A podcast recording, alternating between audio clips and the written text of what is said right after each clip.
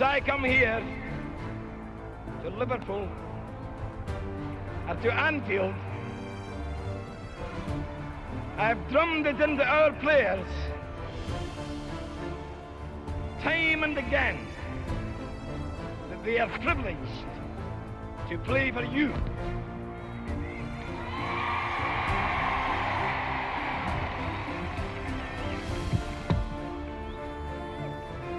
Didn't believe me, they believe me now. Mella, lovely cushion header. For Gerrard! Oh, you beauty! What a head, son! What a head! Liverpool 3-0. Corner taken quickly, Origi! Ah!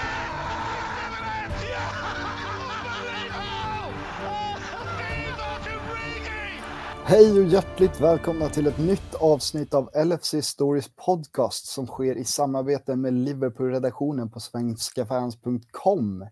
Mitt namn är Emrik Johansson och jag är chefredaktör på Liverpool-redaktionen på Svenska fans och idag har jag hijackat podden som kommer handla om Merseyside-derbyt. Men oroa er inte, för med mig har jag även Christian Andersson som var över på derbyt. Välkommen Christian, och hur är läget?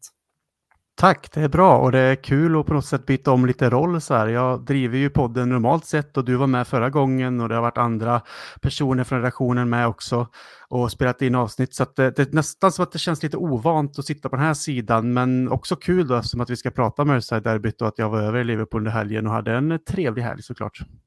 Ja, men verkligen. Och eh, extra roligt för mig att få göra ett avsnitt som är lite mer positivt laddat än senast när vi pratade VAR-haveriet mot Tottenham. Nu blev det ju seger mot Everton och eh, som jag nämnde så var du på plats och jag tänkte att vi eh, går in direkt på det. Så jag frågar hur, hur var din resa överlag om vi börjar där? Jo, men det var bra. Det är ju en, en slags, ja, nu bor jag i Karlstad som vissa lyssnare säkert vet, eller de flesta, men det är ju en förmån att kunna ta tåget i alla fall till Arlanda och nu för tiden flyga direktflyg med Ryanair till Liverpool.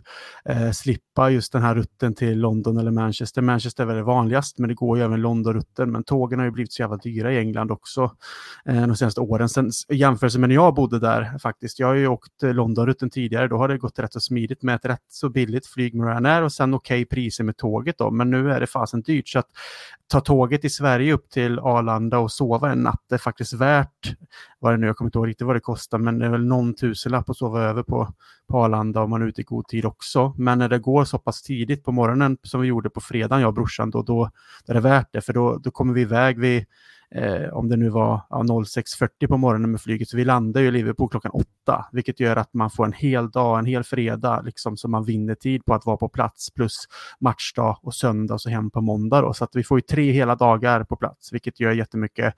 Eh, nu så pissregnar det hela fredagen eftersom att det varit den här eh, efterdyningen av stormen som låg någonstans över Skottland och norra England. Och det är ju såklart inte kul. Det var ju massa olyckor och tyvärr även dödsfall i Skottland tror jag de rapporterade om. Men eh, Eh, om man bortser från det så var det inte så jättekul heller att landa i det och eh, traska runt i, i fredags. Men lördagen och söndag var fantastiska och matchen gick ju som den gick och med allt annat som runt omkring. Så jag kan ju bara summera på det sättet generellt att det var en eh, fantastisk helg som det egentligen alltid är i Liverpool.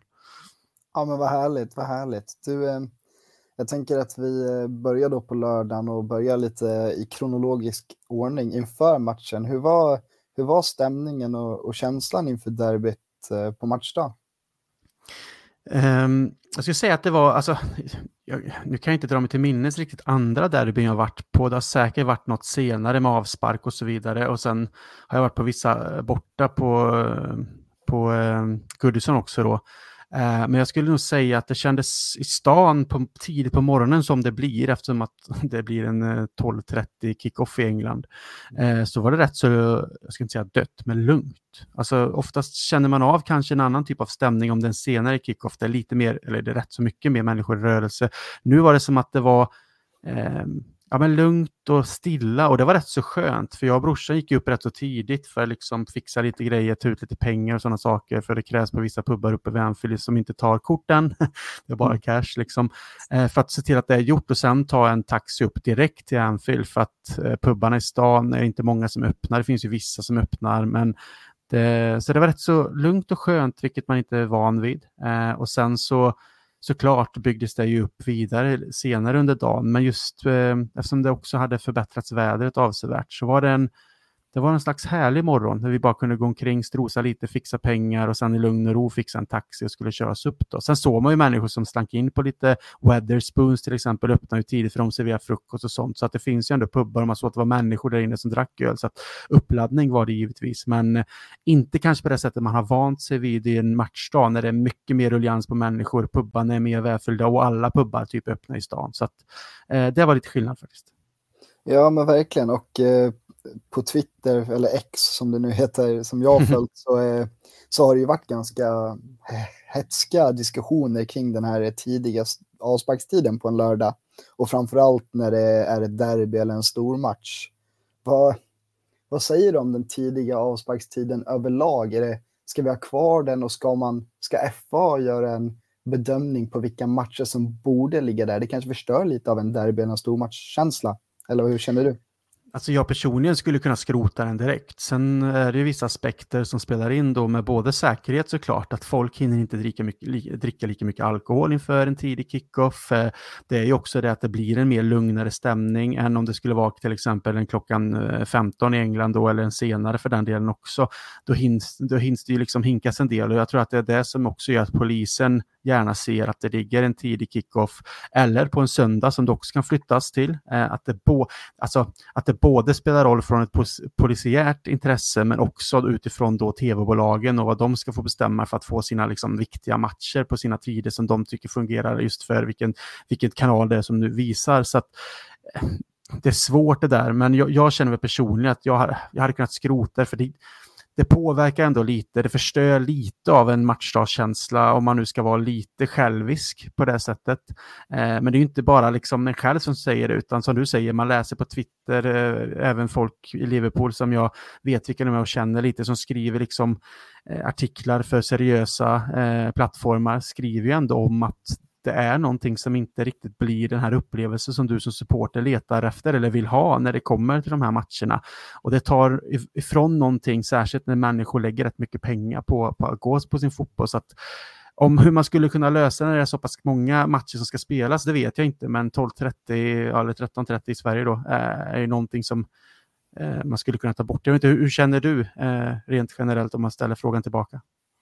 Ja, alltså som en tv-supporter så kan man ju faktiskt uppskatta 13.30 matchen, för det blir liksom en hel dag med fotboll om man är lika nördig som vi är. Men jag förstår ju att man måste se lite större än så och då håller jag med dig. Det blir inte samma uppladdning oavsett om du är hemma i Sverige eller var du befinner dig eller på plats så blir det en konstig uppladdning till matchen i och med att det är direkt på morgonen. Jag kan bara dra till minne när man själv har spelat fotboll att de här 12.30, 13.30 matcherna är ju värdelösa för att uppladdningen där blir fel och det blir så både för supportrar och spelare. Så att helst så vill man ju skrota den, men eh, det finns ju folk som vill tjäna pengar på det och eh, det ska också spelas en herrans massa fotboll. Så just exakt hur man löser det, det, det vet Nej. jag inte.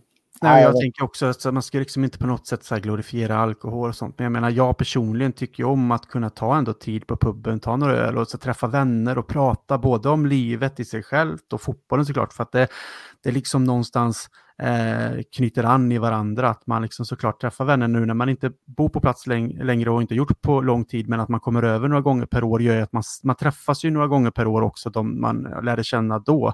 Det gör ju ändå att man har den typen av kontakt oftast. Och det blir ju att man liksom frågar hur de har det, de frågar tillbaka, liksom, hur är det med barnen, vad är liksom jobb? Alltså, det blir ändå tid till att liksom prata ha trevligt tillsammans och samtidigt ladda upp och börja prata fotboll. Så det tycker jag är jäkligt just personligen är, är, viktigt. Och det försvinner ju såklart nästan till totalt med en 12.30 match. För vi kom ju upp till puben vid Anfield, vi tog ju en Uber upp bara för att se till att få en taxi. För vi märkte att vissa plattformar om man kallar det så i Liverpool, där det brukar stå sådana här taxis, bubblor och bara vänta, liksom, de, de hade ändå börjat redan åka, liksom, för att folk ville väl vara uppe i tid och se till att de inte skulle behöva stå och stressa sen i taxiköer som kan bli rätt långa om du är sent ute.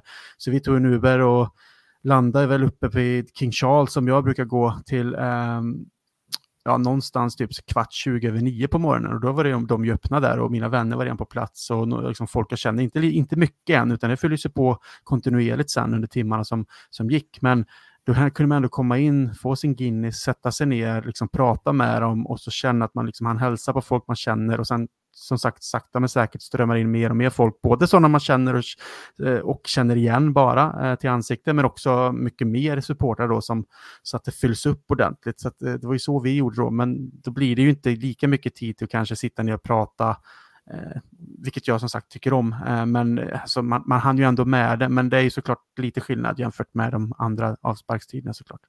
Mm. Och eh, du är lite inne på det, för jag tänkte att vi skulle...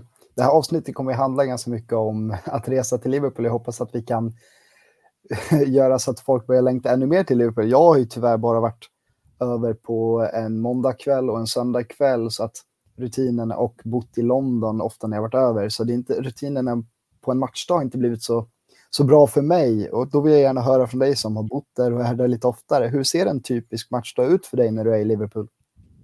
Det är väl, alltså, oavsett, oavsett kick-off-tid kan vi väl ändå dra, liksom, man, man, kan väl säga att det är en vanlig match, för det är ofta så det har sett ut och det är väl det man någonstans ändå eh, försöker att leta fram när man ska eh, resa över. Sen har ju tv-bolagen eh, sin del i det att säga sitt. Och det, nu har de väl blivit lite bättre på att ge lite mer framförhållning, liksom. men det är inte lätt om för folk kanske som vill boka en, säg att det står att det redan är en lördag och så kanske vissa inte känner till det och så bokar man till exempel fredag, söndag eh, som en, för att man känner att man inte kan vara borta och så flyttas matchen till söndagen och så måste man boka om eller man förlorat pengar. Så, så att, mitt tips där i alla fall, bara som att det är ett råd, det tror jag många redan vet, men jag kan säga det ändå, det är att försöka alltid fånga in det till en fredag, måndag vistelse eftersom att matcher kan flyttas, inte bara på grund av att vi spelar Europa League nu till söndagar, utan även för att tv-bolagen kan jäklas lite då, att det blir en söndagsmatch för att det är en lite större match och så. Men eh, alltså, normalt sett så vill jag gärna komma upp i god tid. Jag behöver inte stiga upp i ottan, men jag vill liksom komma upp och slippa stressa. Eh, och har, är det en vanlig kickoff, om vi säger klockan 15 till exempel då i England, då, då kommer jag gärna ut rätt så tidigt och, och, och känner, känner av, eh, likt det var nu egentligen, lugnet i staden och känna staden vakna, gå och köpa med sig en hämtkaffe kanske liksom och någon enkel liten frukost, eh, för jag vill inte trycka i mig för mycket mat heller inför att man kommer dricka öl och sånt, utan man vill inte känna sig tung och jävlig, det är liksom personlig känsla bara. Så är det något enkelt till frukost, att liksom gärna ta nere vid Albert Dock om det är bra väder, ta med en hämtkaffe och så strosa runt lite och känna som sagt Liverpool vakna och höra fiskmåsarna och allt det här härliga som är. Och därefter är man ju någonstans redo liksom att ta sig till puben när de öppnar runt 10-11. Och oftast brukar jag ju gå till The Globe mitt i stan egentligen som är min typ av stammispub där där mina vänner eh, har suttit sedan eh, urminnes tider, höll jag på att säga, men sen jag lärde känna dem då liksom när jag flyttade över till 2009 runt där, så de har ju liksom gått dit jämt, så det har ju blivit mitt hak också. Det är inte många gånger jag har varit på andra pubbar inför match. Och det kan väl vara både tråkigt kanske, men det blir så. Man vet att man går dit för att det är folk man känner och man trivs där, man har lärt känna folket, liksom damerna som står bakom eh, baren. Och liksom man får en mer igenkänning, man får nästan alltså en kram av eh, många, liksom, så det, det, är en skön stämning. Eh, och där eh, brukar man ju vara då liksom kanske en, en och en halv, två timmar, eh, ta sig några öl. Och sen så blir det ju då en taxi upp till King Charles också som är den andra stammisen uppe vid, vid vid Anfield och det ligger lite på en bakgata, eh, inte jättelångt från Anfield, men kanske inte på ett sätt så det syns, utan många tar ju sig kanske eh, först och främst till The Sandon, det är Albert Park som ligger liksom närmare Anfield och på gatan liksom där det händer mest. Här ligger lite bak, eh, bakom gömt så att det är lite lugnare, går lite snabbare att beställa lite öl och man kan stå ute på gatan och dricka dem om det är bra väder eller sitta inne, liksom en gammal gemytlig pub. Så det är den rutinen jag egentligen alltid haft sen jag bodde där eh, och gick eh, med kompisarna från Stoke liksom, vi åkte upp med tåg då, vi, vi var ett gäng. Eh, och även nu när jag åker över liksom, med kompisar eller själv eller med brorsan, det blir oftast den rutinen för att man jag vill inte hinna med liksom, på matchdag så här, hur, hur många pubbar som helst eller besöka många ställen, utan jag vill gärna träffa folk. Eh, för jag vet att många eller många, men en del som man eh, hör som kanske kommer över, de, de går till ett ställe och tar en öl där och så går de in på Sandon och så ska de besöka The Park. Och jag förstår ju det med, med stämning, att man vill testa och, och, och liksom, eh, uppleva de här platserna om man inte har varit där innan. Och det liksom har jag full förståelse för. Men för mig blir det nästan en stress om man ska liksom springa runt, utan hellre vara på ett ställe, chilla, dricka öl, träffa människor, prata och så bygga upp stämning till att man går ner till Anfield. Så det är väl så det ser ut egentligen eh, majoriteten av gångerna. Ja, och nu, jag har ju förstått att du har fått en liten familjär känsla till de här pubbarna. Men jag tänker för någon som inte har varit i Liverpool lika ofta som dig, har du några har du en lista på några pubbar som du tycker sticker ut eller som du har upplevt är bättre än de andra, mer än de du känner en familjär anknytning till? Ja, alltså det beror också på vad man tycker om såklart. Alltså alla är olika. Eh, Liverpool är fullt med pubbar, barer, eh, nattklubbar, liksom den typen. Så det beror på lite vad man ute efter. Jag gillar ju de här gamla pubbarna från typ egentligen, alltså allt från slutet av 1800-talet, liksom den typen av tidsepok som såklart då har rustats upp, men som fortfarande har en gedigen gammal historisk känsla. Det känns nästan som att det sitter i väggarna, liksom, att det är gammalt och jävligt och slitet, men på ett skärmigt sätt. Um, och Alltså, det är klart, det finns ju många som helst, men The Globe som jag nämnde såklart, det är, det är, ju, de är, det är ju en pub som är känd för sitt lutande golv. Det lutar liksom, man går in hela vägen så, så att det, det står även utanpå. Jag tror att den är från slutet av 1800-talet någon gång, ligger mitt i stan, insprängd, bara liksom så här, rätt så smal pub om man ska kalla det så.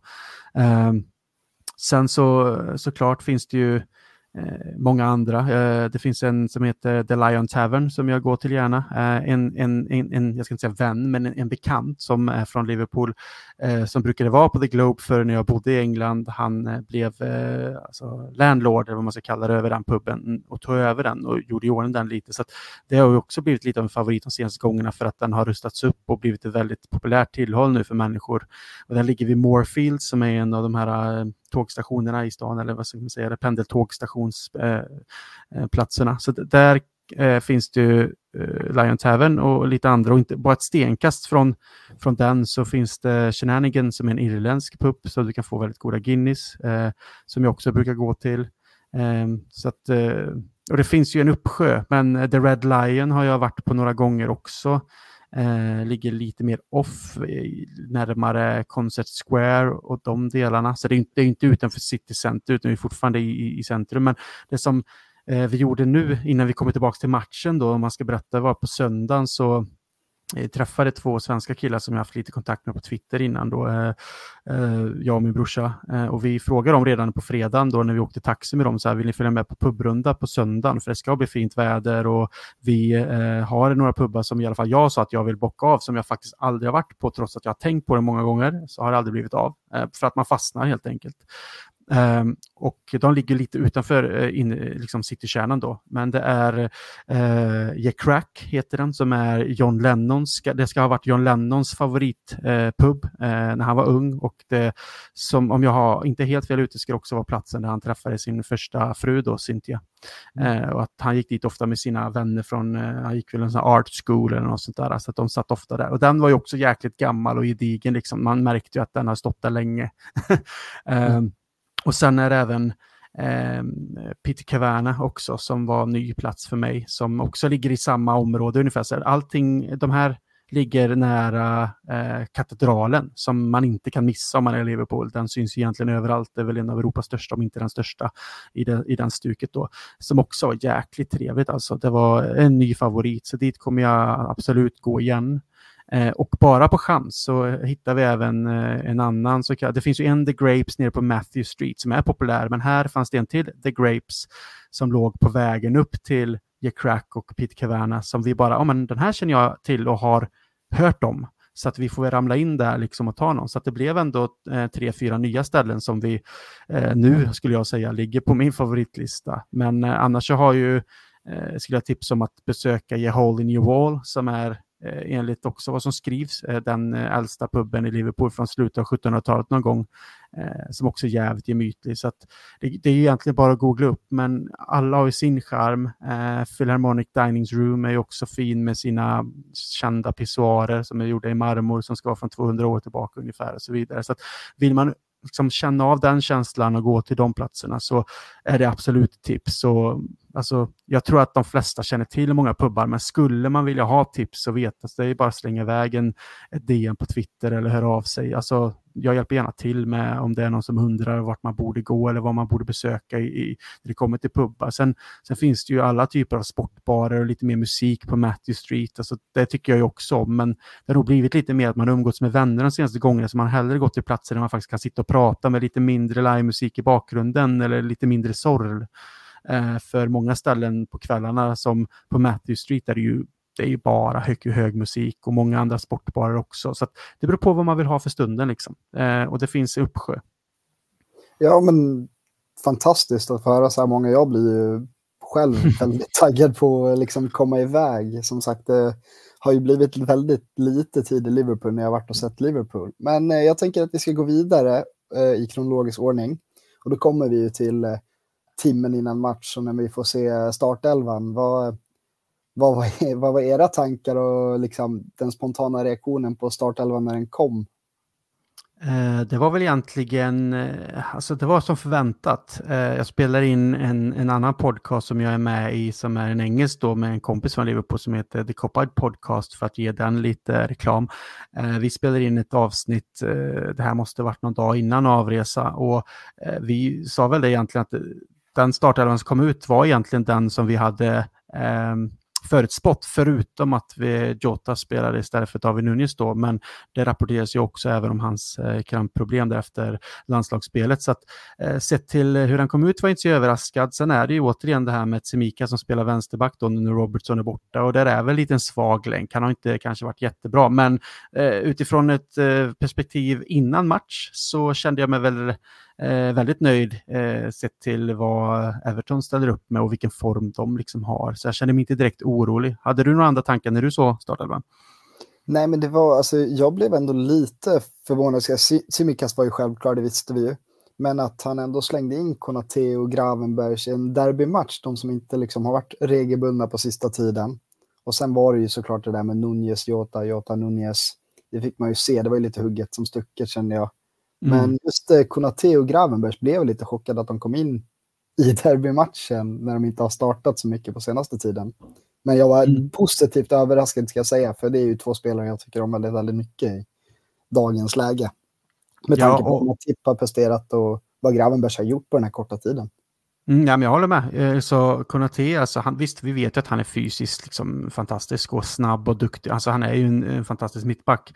Men eh, jag var nog mer förvånad över kanske Gravenbergs då. Man tänker att det kanske varit, även om Elliot bara är 20, så han, han har varit med i Liverpool längre. Han kanske också känns som att han är en sån där som kan gå in och göra lite jobb för han älskar att spela i tröjan som vi har nämnt tidigare. Så, men jag tycker att Gravenbergs visar hela tiden vad han har för kvaliteter. Han är en, för att citera min kompis från Liverpool, silky player. Så att det mm. liksom är någon som har lite, liksom, det finns flair och stil. Han är, han är lång och fysisk, han är ändå snabb, eh, ser rätt så liksom, smidig ut, gör snygga grejer med. Eh, Eh, Eh, med bollen liksom och eh, på något sätt känns det som att han har hittat så små instick i sitt spel. Han, han bryter mönstren om du förstår vad jag menar. Han hittar små passningar och små vägar. Så jag, jag, tycker att han absolut tar steg och, eh, liksom vidare att visa att han antagligen kommer fortsätta spela och kanske även ordinarie framöver. Nu kommer det väl ta lite tid att processa in honom, men han visar i alla fall att han har i Liverpool att göra utan tvekan.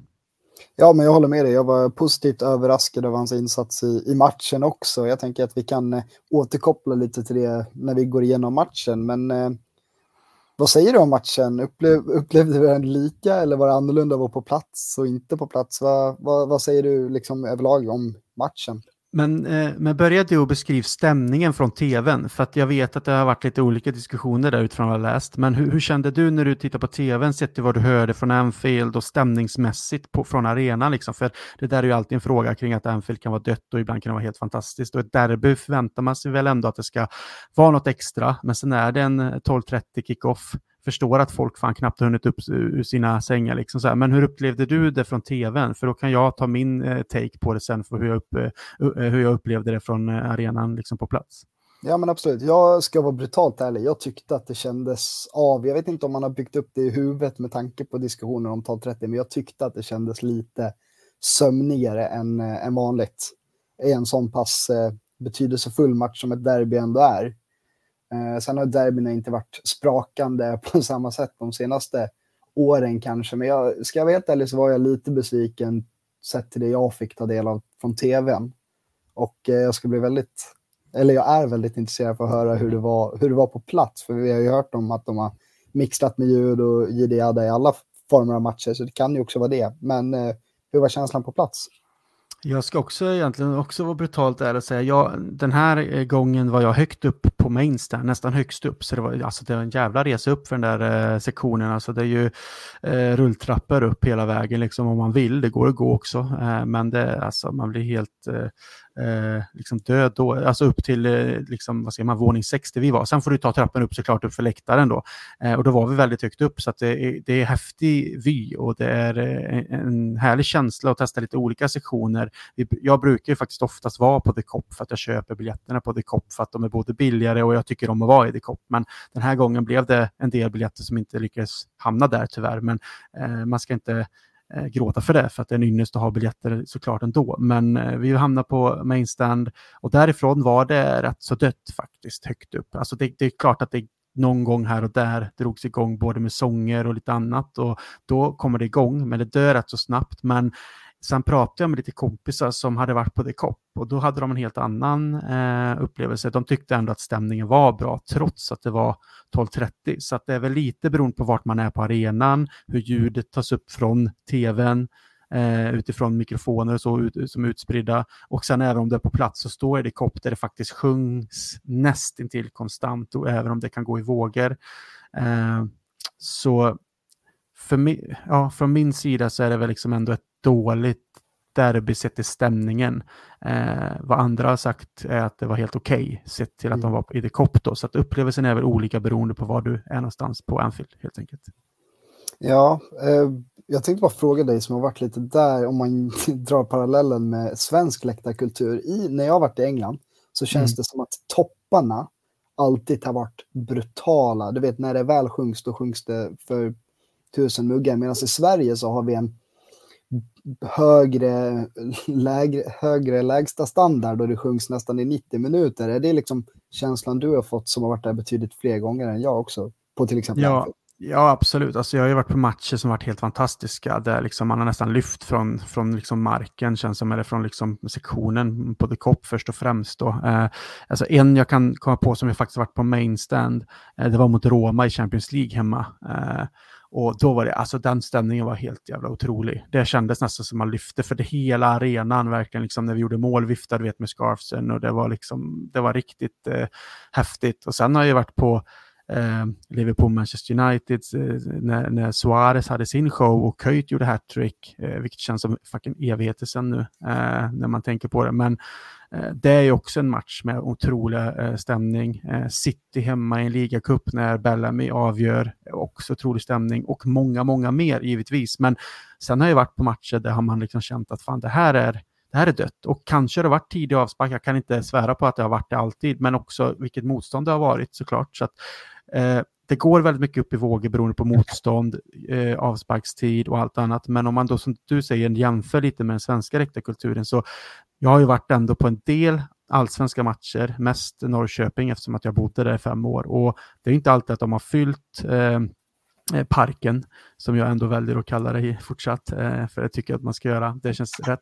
Eh, men det har ändå varit att liksom kurvan har sjunkit på jävligt bra. Det har varit bra stämning trots att det inte har varit fullt och man står ändå i ett hav av sång och hopp och studs, vilket gör att den kulturen över 90 minuter är mer tryck. Eh, men om trycket på Anfield går upp till sin högsta nivå, då har ju inte kurvan en chans. Men under 90 minuter så kan jag nog uppskatta den allsvenska typen av läktarkultur. Sen vet jag att stormatcherna, Stockholmsderbyn så är, är fantastiska. Så det, det här var mer en, en, en, en jämförelse med eh, till exempel då IFK Norrköping en vanlig match. Jag förstår att till exempel AIK, Bayern eller Djurgården, vad det nu kan vara, liksom, att det blir en fantastisk stämning och att vi är jävligt duktiga på det.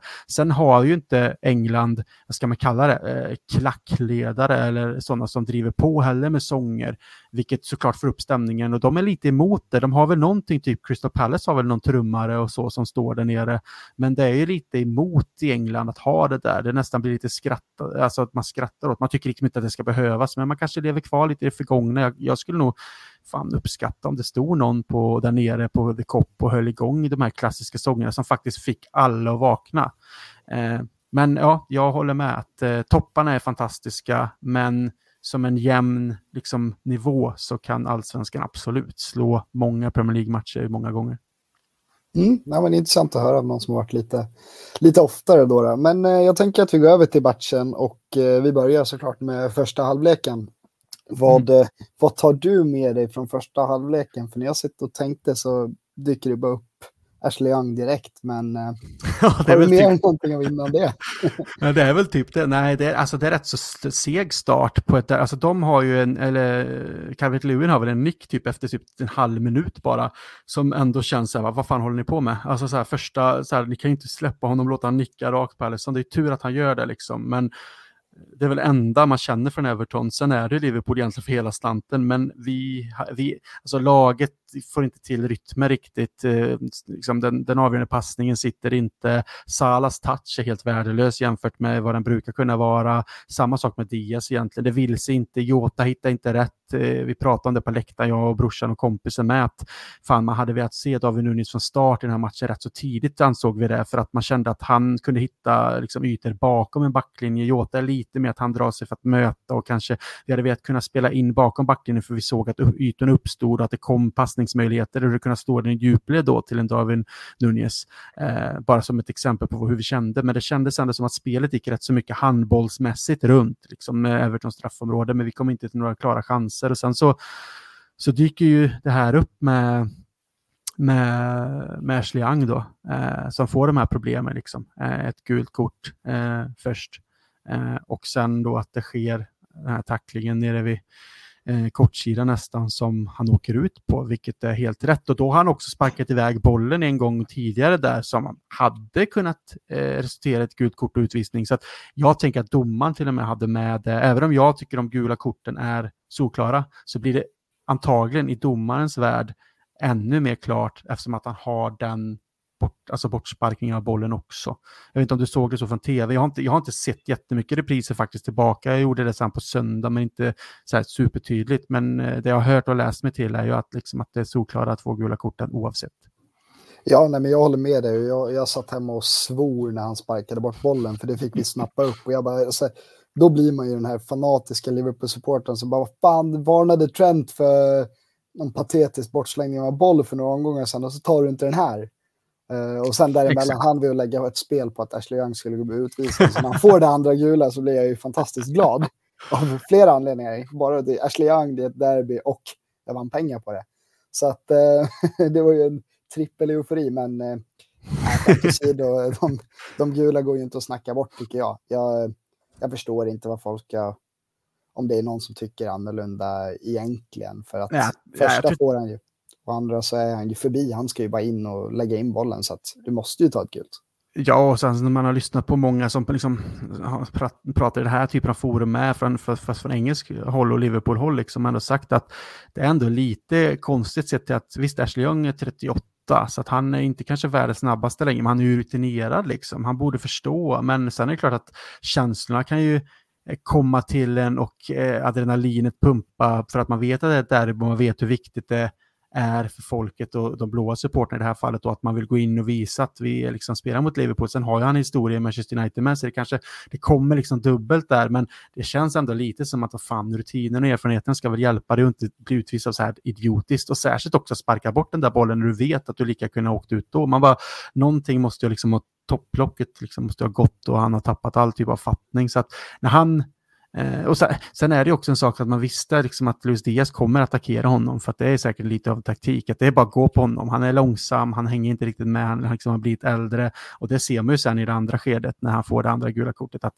han hinner ju inte med och då blir det såklart. Så det var ju säkert taktik. Och när han åkte ut då kände man liksom att efter en så pass seg start så kände man att här får man ju lite av en bonuschans trots att det stod 0-0 då att eh, faktiskt gå och vinna den här matchen. Liksom. Nu, nu var vi, har vi varit relativt dåliga i första halvlek, vi har inte skapat jättemycket, det är lite segt, men nu får vi fan med liksom en, en, en, gratis möjlighet nästan här att faktiskt se till att vi vinner det här derbyt för att vi typ måste det och att det alltid är skönt att slå Everton givetvis.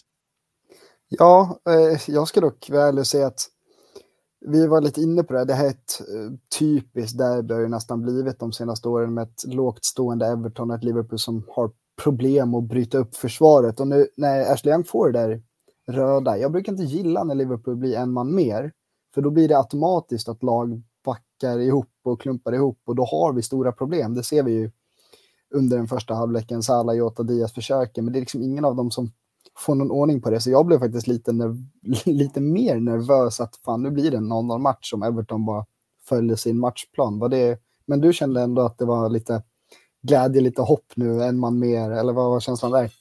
Ja, men jag känner väl att nu när man går in liksom efter första halvlek och i halvtid så hinner man ju faktiskt prata igenom den här rätt så dåliga ins insatsen i första halvlek och nu också inse att de har en man mindre. Sen att det kan bli svårt för att man vet att det går ner i för försvarsposition, att de kommer bara stå lågt och försöka skydda ett kryss. Liksom. Det full förståelse för det gjorde de ju redan vid 11 man på plan. Så att det var ju deras matchplan liksom, med, med Dyche och allt det här. Liksom. Det är inte konstigt heller. Liksom. De spelar borta och vet att kanske det är vår bästa chans att komma på kontring. Men nu så tycker jag liksom att man kan gå in då, Klopp och grabbarna säkert prata om det, att nu, nu har vi liksom chansen här, nu ska vi bara ha tålamod och bryta ner dem liksom. Eh, och det kan ju väl vara bra då på det sättet att det kom precis innan halvtid, för att då får man möjligheten att göra en regroup liksom och se till att försöka hitta de möjligheterna och det gjorde man ju såklart sen med bytena och liksom både Darwin Nunez som kommer in och Harvey Elliot som kommer in eh, tycker jag gör det jättebra. Liksom. Så att, eh, eh när, vi, när, vi, när, när, vi var nere och tog en öl i, i halvtid och snackade, liksom, då var det ändå en känsla att fan, vi ska lyckas med det här. De, för Everton är först och främst dåliga. För andra är de eh, tio man. Det såklart kan vara problematiskt som sagt för att det blir en mur och de är fysiska. Men vad fan om vi växlar upp nu och har snackat ihop oss i halvtid så ska kvaliteten räcka för att bräcka dem, i alla fall göra minst ett mål. Liksom, för att sen då känna att luften går ur dem om vi gör det målet. För att så länge de har 0-0 så är de med liksom, och känner att de har också chans att kontra. Men jag vet 0 då tror jag att liksom, det orkar inte de. För att får vi bollen att röra sig snabbt så kommer de få jaga mycket och då kommer de bli tröttare och tröttare. Och kommer det mål, ett, ett 0-mål då, då, då är det nog rätt så klart. Liksom. Så det var den känslan som var inför andra halvlek. Ja, och sen kom vi då till, till andra halvlek där Everton inledde med att göra två defensiva byten, ta ut Harrison och in med Keane och ut med McNeil och in med Patterson som snarare är en wingback, ytterback, en yttermittfältare.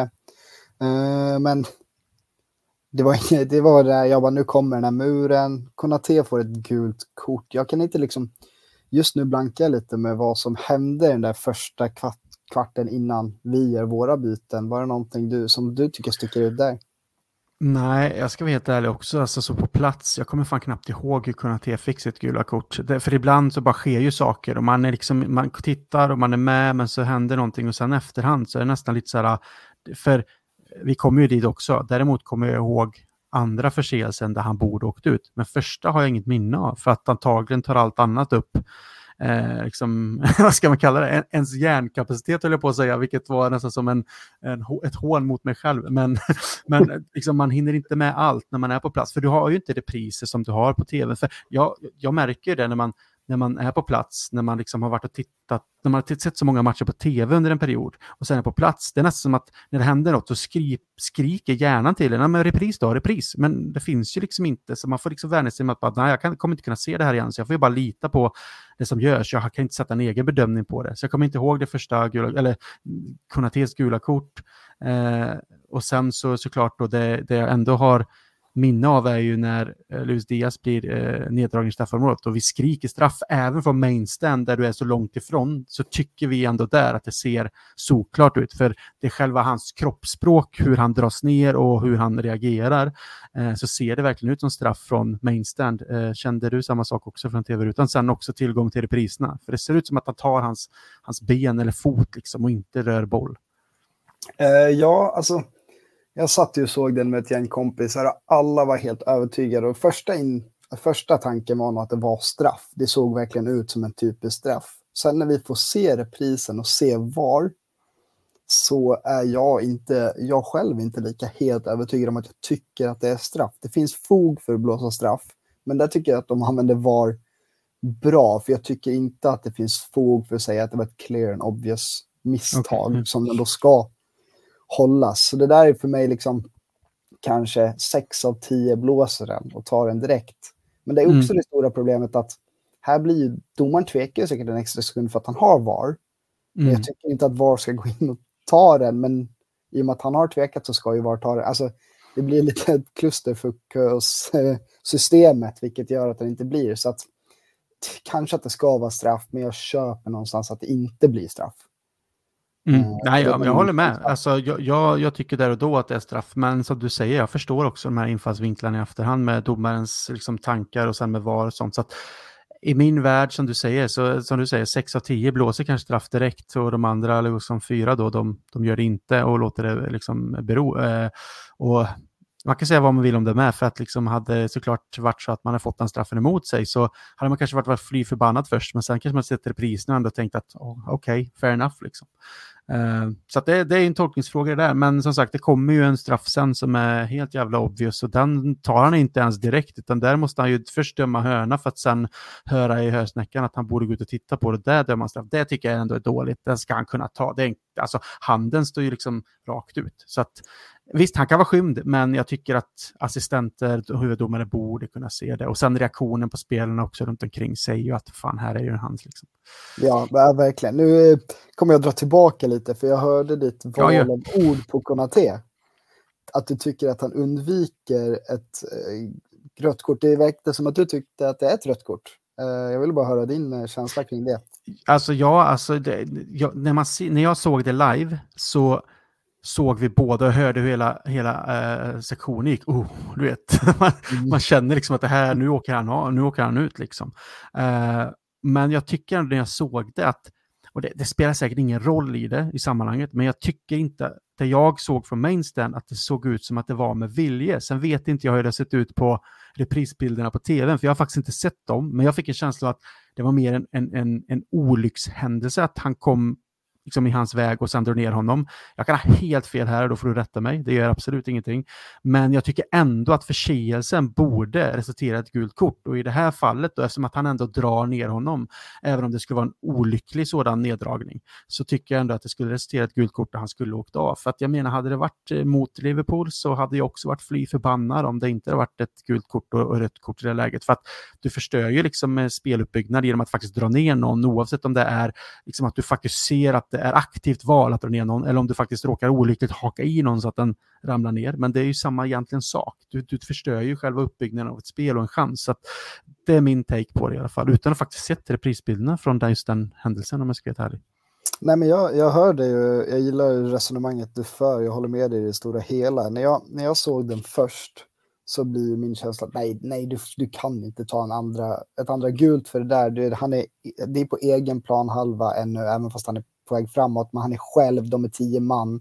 Här pratar vi liksom att hindra lovande anfall eller stoppa speluppbyggnad. Men jag var så här, var det Beto han drog ner? Ska han springa 70 meter mot Van Dijk? Men samtidigt så ska man väl inte dra parallellerna vem han möter. Men eh, sen när jag sett den i efterhand så känner jag att ja, det spelar ju som, som du säger inte någon roll att det inte är medvetet, att han gör allt i sin makt för att för att flytta sig för att armen är fortfarande där och jag vet inte om det är en liten touch på benet också men armen träffar ju bröstet och han drar ner den så att jag kan nog faktiskt köpa Evertons frustration att det inte blir ett andra gula där.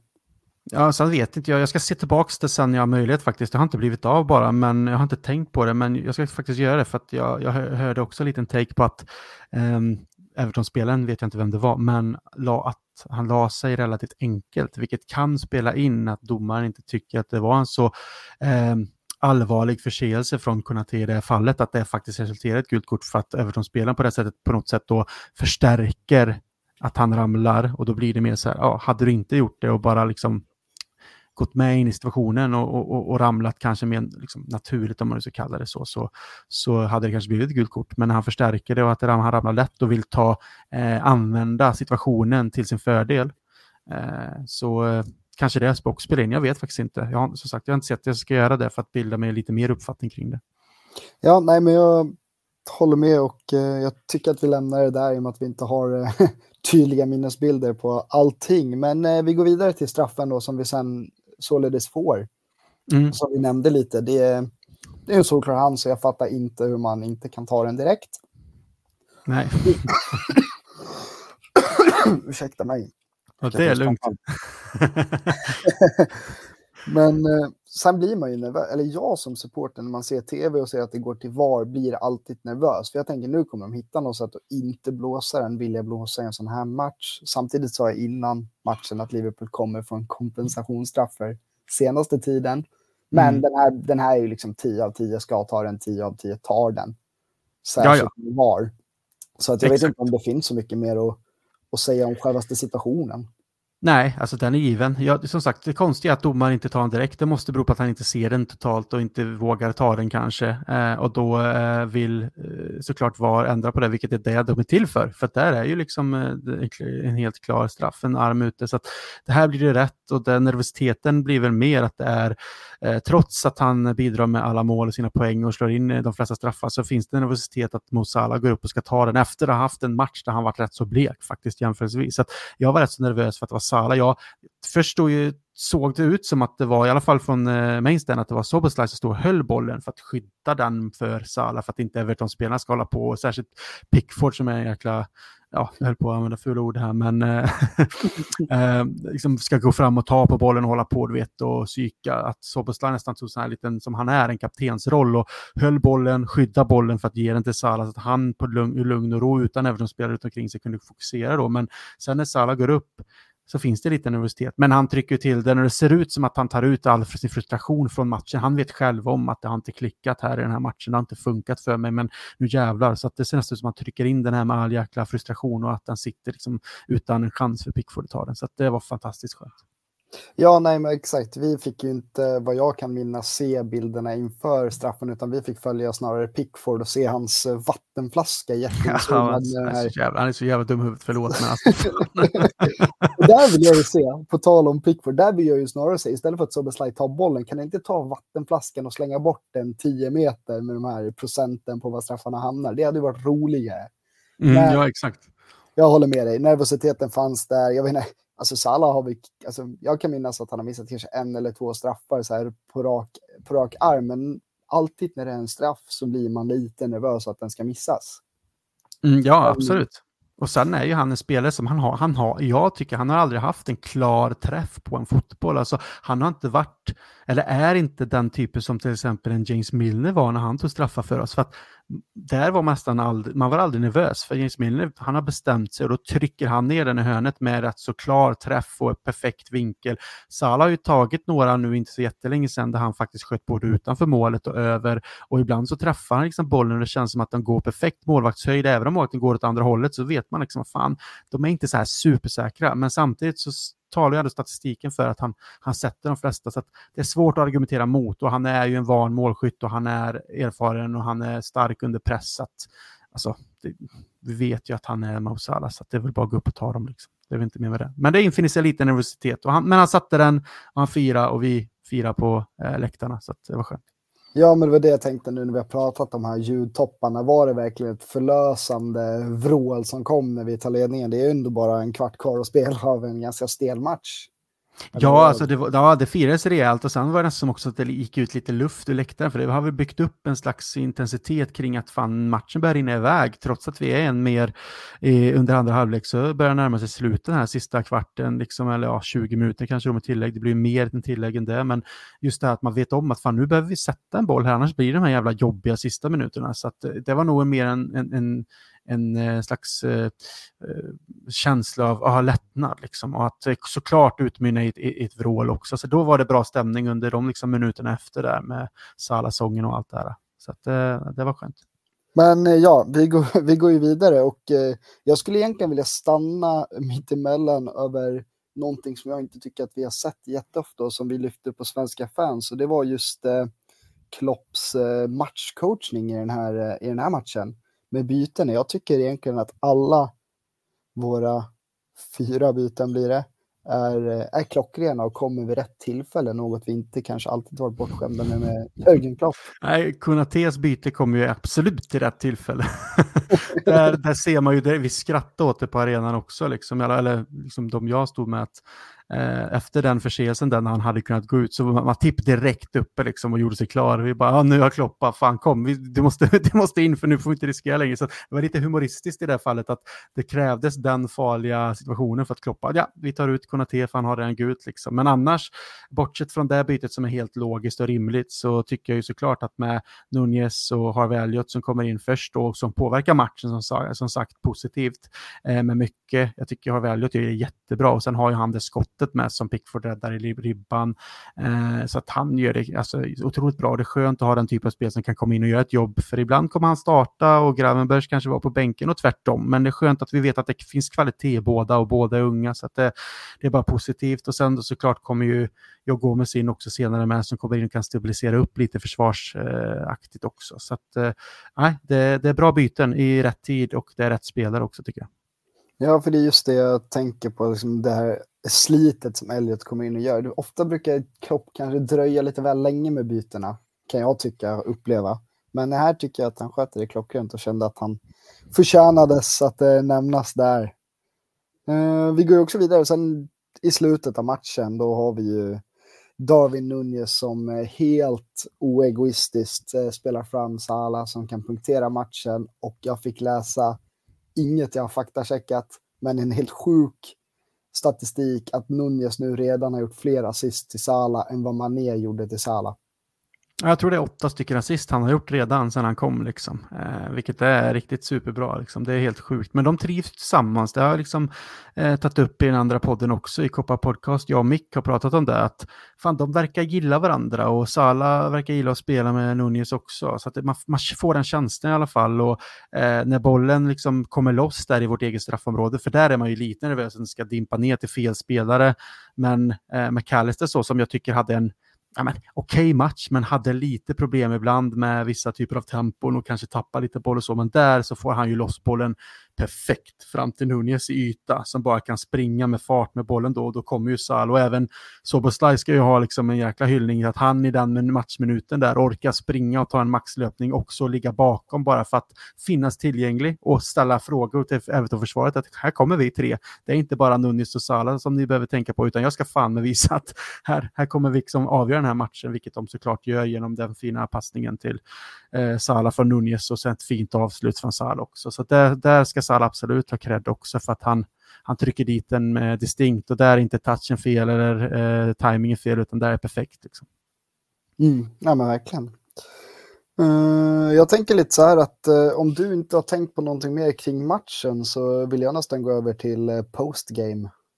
Mm, absolut, matchen är ju vunnen och vi är jävligt glada. Så att eh, 2-0 mot Everton eh, och alltid att vinna ett derby och att fortsätta ha en, jag vet inte, jag tror att inte de har vunnit mot oss typ på Anfield på om det är typ 20, att det är någonting 20 plus år. Jag kommer inte ihåg, jag läste där idag, men det rinner förbi lite snabbt. Men eh, de eh, fick även höra att de inte har no trophies since 1995 också. Liksom. Så att eh, eh, skönt att alltid vinna mot lillebror.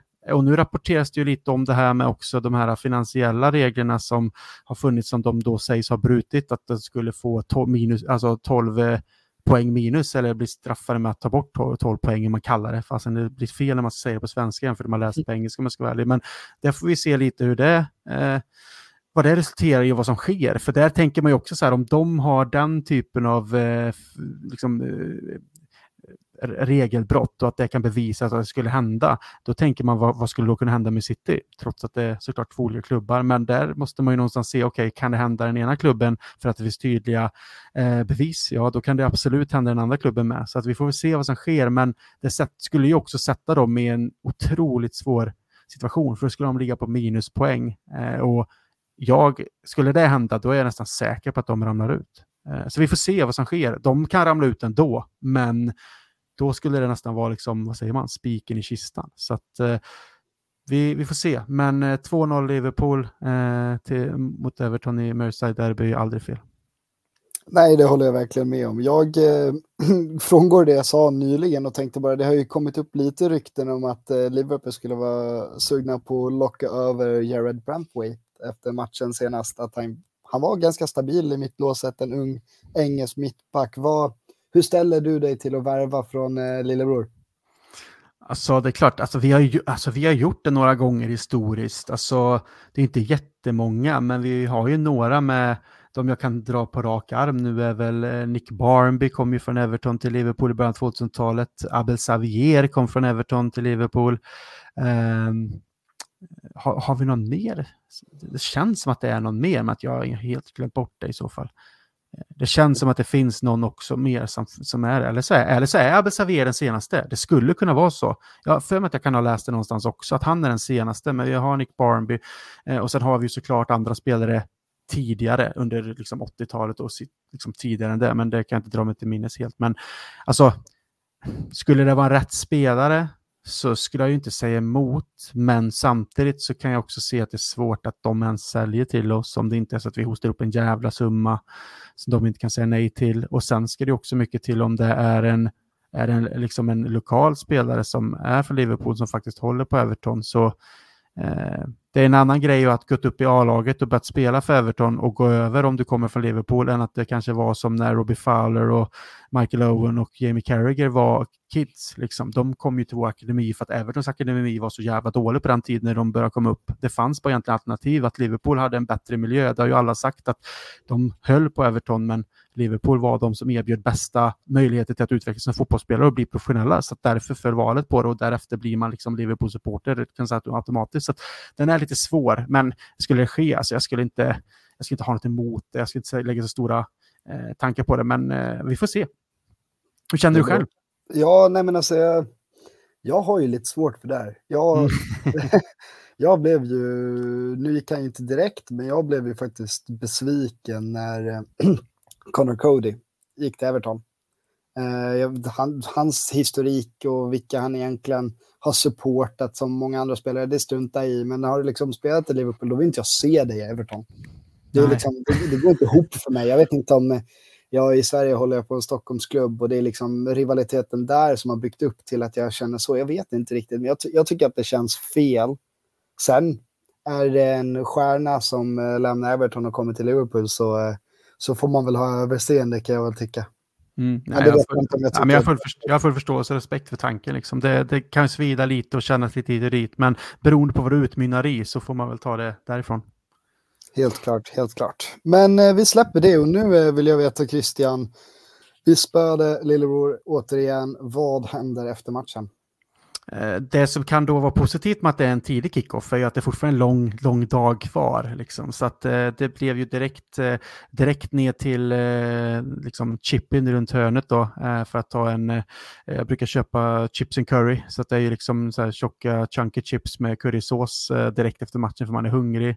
Och så äter man den på vägen ner till puben när man går längs med vägen som tar liksom en tio minuter, så man hinner trycka i sig den, få lite stabilitet i magen innan man börjar hinka bärs. så att eh, då är vi tillbaks på King Charles oftast, bara för att som sagt möta upp vännerna. Och sen brukar man hålla sig där i någon timme, en och en halv till två kanske beroende på, men för att få området att lugna ner sig lite för taxibilar, vet, det är så mycket folk som ska ta sig ner till stan och sånt, så att det går ju bussar och sånt med, men det, allt är ju oftast det är svårt att få tag i taxibilar direkt, så därför är man kvar en stund där uppe eh, och hinner liksom snacka igenom matchen lite, fira lite, dricka några öl. Men sen så började vi faktiskt gå ner mot stan, jag, brorsan och Mick, för att vi kände att ja, men fan, vi, vi får lite luft och så uh, haffar vi en taxi om det kommer någon, annars så slinker vi in på en pub på vägen bara. Så det, det löser sig alltid. Så eftersom det inte regnar så är det helt okej. Okay. Och det kom en taxi 50 inte så lång tid, så att vi drog rakt ner till The Globe, eh, gick in och tog en öl där, men det var så jäkla mycket folk och som jag förklarade innan så är det en sån smal pub så att där var det knappt plats. Så att vi stod liksom inträngda vid baren, kände att det var lite jätteskönt så att vi, vi tog oss vidare till lite olika pubbar helt enkelt i stan eh, och landade faktiskt lite senare på Jehol in New Wall igen då bara för att vi kände att det, vi, vi, det är en favorit. Eh, Lite mindre, lite lugnare, liksom lite äldre människor också som satt där inne. Eh, men det var lite intressant för där stötte vi faktiskt på John Achterberg som är målvaktstränare. Mm. Så att eh, vi pratade lite med honom kring målvakt, alltså just målvaktgrejen eh, i sin helhet med Allison liksom och sådana Så sa vi uppehöll honom inte allt för länge utan vi pratade lite med honom och eh, ska väl inte säga vad han kallade eh, Jordan Pickford men det, han, använde, han använde ett ord på hans efternamn som i alla fall eh, rimmar, på, rimmar på pick. Eller nästan är samma ord faktiskt. Så att, eh, lägger man till ett R i det ordet så kan man få vad han kallar honom i sitt efternamn. Då, så att, eh, det var lite kul. Liksom. Han hade glimten i ögat och vi fick ta en bild och grejer och snacka lite med honom. Så att han var faktiskt jäkligt skön. Han var liksom ute tror jag med sin antagligen fru eh, eller sambo eh, och bara tog några glas och satt och snackade med folk. Och sen så när han skulle gå så frågade vi om vi kunde få ta en bild. Han bara ja, ja, inga problem. Så han var jävligt trevlig faktiskt. Så det var lite kul. Men det är lite så det ser ut och sen så efter det så, ja vi var där en stund eh, och sen gick vi vidare till lite andra pubbar, bara slank in, kolla läget och det är ju mycket folk ute men efter en lång dag med när man varit uppe sen typ sju på morgonen och man har liksom druckit öl och laddat upp för match, varit på matchen, mycket energi och så, liksom adrenalin. Eh, och sen att man såklart fortsätter gå lite nästan till pubrunder, så man blir ju trött och lite sliten. Så att, eh, ja, vi var väl tillbaka hemma ändå. Det är ändå sent så, men alltså typ någonstans kanske runt Eh, midnatt, så det är en lång jävla dag. Men då får man ändå bra sömn inför söndagen och de äventyren som utspelar sig då, då med den här andra pubrundan som jag berättade om i, i början. Liksom. Man hinner sova ut lite med, man har ingenting man måste ställa klockan till eller gå upp till, utan man kan sova lite längre, få i sig en ordentlig frukost och, och vakna till. Och söndagen var ju fantastisk med solsken och allt, så då gjorde vi också det här med kaffe ute och sen var det pubrunda för hela stanten. Och fast lite lugnare tempo givetvis för att mer upptäcka de här pubbarna som jag berättade om i början. Så det var jättetrevligt. Ja, men fantastiskt. Du, ehm, jag tänker dock också lite på eh, när vi har varit inne på ganska mycket pubbar, är det det som gäller för att fira en äh, seger eller pratar vi nattklubbar överhuvudtaget eller hur ser det ut i Liverpool? Alltså nattklubbar finns ju uppsjö, men alltså, jämfört med när jag bodde där och de gångerna jag sov över och inte åkte tillbaka till Stoke eller hade vänner över som vi bodde då på hotell såklart. Så här, när, när brorsan var över på den tiden eller kompisar kom över, då bokade vi såklart en nattshotell från matchdag till dagen efter. Och då blir det ju ofta kanske någon typ av nattklubb och det finns ju många, det finns ju hur många som helst. Men nu för tiden är det pubbar för mig i alla fall. Jag kan gärna gå, vi brukar slinga in på Popworld ibland, eh, jag och några vänner just för att det är 90-talsmusik och jävligt skön stämning. Sen kan andra tycka att det är jäkligt, ja, jag vet inte, alltså jag ska inte säga sliskigt, men du vet lite sådär, eh, det är klart att det är yngre människor också, men jag tycker att det är en skön vibe, för de spelar all typ av musik och liksom 80-90-talsmusik, det blir en skön känsla och det är kul liksom en timme, sen kan man dra det ifrån eh, bara för att liksom göra det. Men annars så finns det ju många andra, men jag tycker att det är trevligare att sitta och snacka med folk och kanske ha ett liveband eller någon liten trubadur som spelar liksom och så, så att det inte blir för mycket, utan det finns en annan typ av stämning och det, det får du på pubbarna. Så att, men vill man gå på nattklubb Liverpool så är det fan bara att välja och vraka, du hittar nog en typ nästan till i varje hörn på, natt, eh, på kvällstid och nattid. Liksom. Ja, men fantastiskt. Du, eh, jag tänker att vi ska börja knyta ihop den här säcken, men eh, jag är lite intresserad av övrigt i Liverpool, om vi befäster oss vid den staden just nu. Så har du tips på liksom vad man kan göra bortsett från fotboll och pubbar? Och har du några restauranger? Eh, alltså det finns ju också en uppsjö och det, alltså det, är lite, det beror på också vad man tycker om. Så det finns ju allt, det finns ju allt för alla skulle jag säga. Jag gillar ju ändå så här, visst jag äter inte jättemycket, jag gillar ju kött liksom. Sen försöker jag inte äta det jätte, jättemycket bara, både för miljö och för min egen, så för min egen skull och välmående. Men om jag väl liksom blir bjuden på ordentliga liksom så här, kötträtter eller har den chansen på restauranger som är bra så äter jag det gärna. Och det finns ju typ tre stycken väldigt kända som jag vet om, det kanske finns fler, men som är liksom eh, sydamerikanska köttrestauranger då. Det är Facenda, Ben Brasil och Eh, Viva Brasil. Eh, och vi var på Bem Brasil nu med de här två andra svenskarna som jag nämnde innan då, för de hade bokat bord där, så jag och brorsan hängde på dem sen på söndagen efter pubrundan, vilket nog var bra. Liksom, det var gött att käka ordentligt, så innan vi skulle sova för att åka hem på måndagen. Eh, men där är det ju konceptet så att du betalar en typ en fast summa eh, och det kanske, jag vet inte riktigt vad det kan ligga, 30-35 pund, så det är lite, inte små, inte, inte dyrt, men ändå lite smådyrt sådär beroende på, men kvaliteten är ju bra, så att det du gör är att du kan beställa in hur många side orders du vill, eller att någon av dem har konceptet att du har en buffé där du kan hämta sallader och ostar och den typen av mat och lite mindre lättare saker. Och sen kommer de ut som typ, alltså kommer ut med spett med kött på som de säger vad det är och så får du plocka med en tång och de fortsätter ju komma hela tiden så länge du, du kan vända en lapp på bordet och grönt eller rött. Så vill du ha en paus så vänder du på rött, då är det liksom stopp för stunden och sen vill du köra igen. Och det är alltså hur många olika typer av köttsorter eh, som helst. Så där är någonting man kan testa om man tycker om kött. Det eh, finns även Meat som är en argentinsk restaurang med jättebra mat. Ehm, sen har du eh, Baccaro, tror jag den heter, som är en italiensk tapasrestaurang. Eh, jag har inte jag tror inte jag varit där. Jag har inte varit där de senaste gångerna. Eh, kan ha varit där länge, alltså tidigare. Eh, jag kan inte komma ihåg alla eh, ställen så, men där vet jag att folk säger att det är jäkligt bra. Så där är en som jag ska liksom bocka av nästa gång, tänkte jag.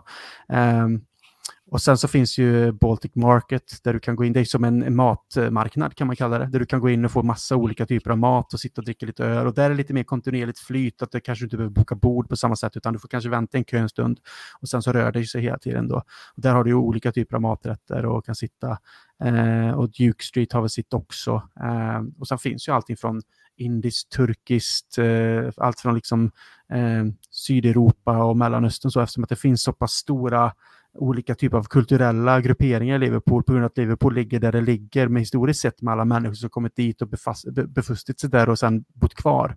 Eh, vi pratade faktiskt om det med en gubbe på en pub att eh, det var rätt så kul. Jag ska hinna med att ta det också innan vi ska eh, avsluta, men vi satt och pratade om det här och, och, och, vi kom in på det här vad, vad scouse är och det vet ju många, men det är ju faktiskt från Eh, Eh, det norska och svenska, alltså, eh, vad, kallar, alltså, vad ska man kalla det, lappskojs eller vad heter det? Liksom, det är som en, eh, en, en, en gryta med kött och eh, grönsaker i som liksom kom från eh, sjömännen som kom in till Liverpool som var skandinavier som hade det rätt så eh, magert på skeppen. Så de blandade egentligen i allt de kunde hitta i en gryta för att få till maträtter och allt från de här grönsakerna och sen skulle det då vara lite finare och lite kött i och det blev liksom en typ av eh, kalops kan vi säga kanske. Mm. Och en, en, en lappskojs eller en skojs på norska eller vad det nu kan heta. Och det blev sedan antaget av folk i Liverpool och blev då en scouse. Så att det har utvecklats hela tiden.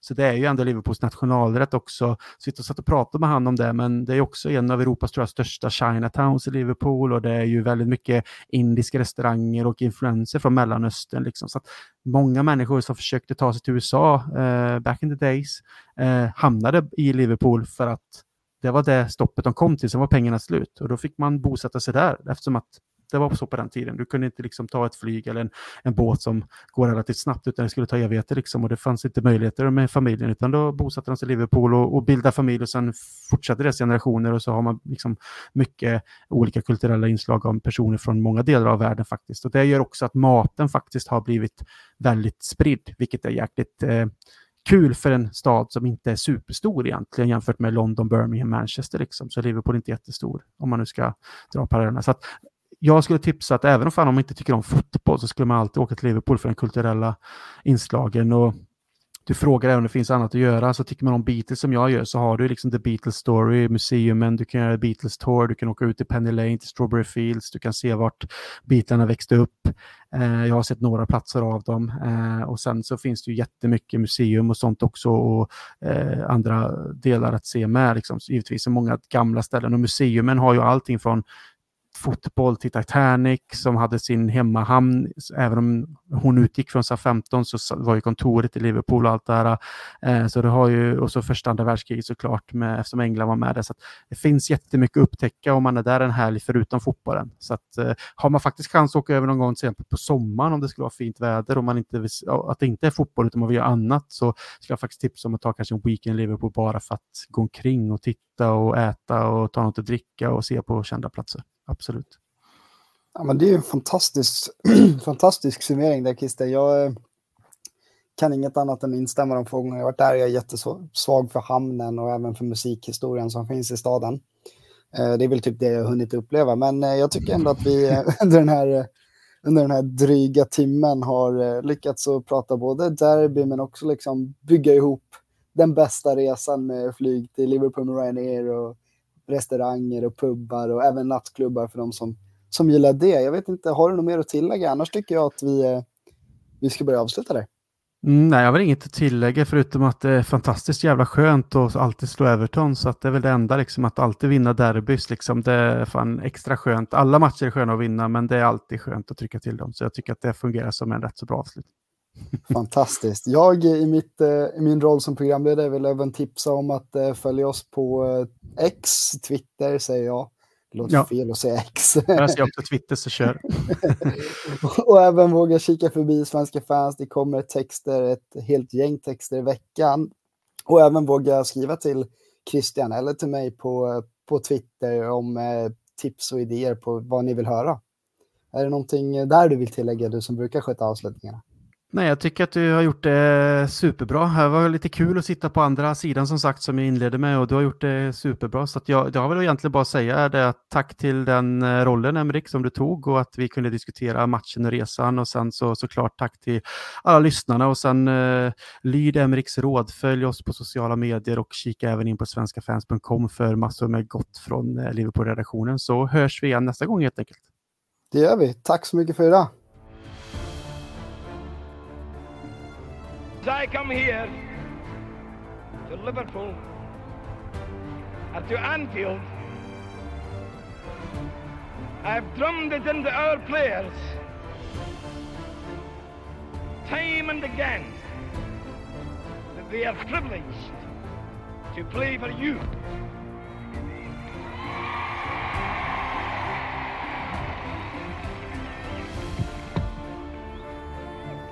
And if they didn't believe me, they believe me now. Mella, lovely cushion header. For Gerrard! You beauty! What a head! What a head! Liverpool 3 0. call Corner taken quickly, Origi!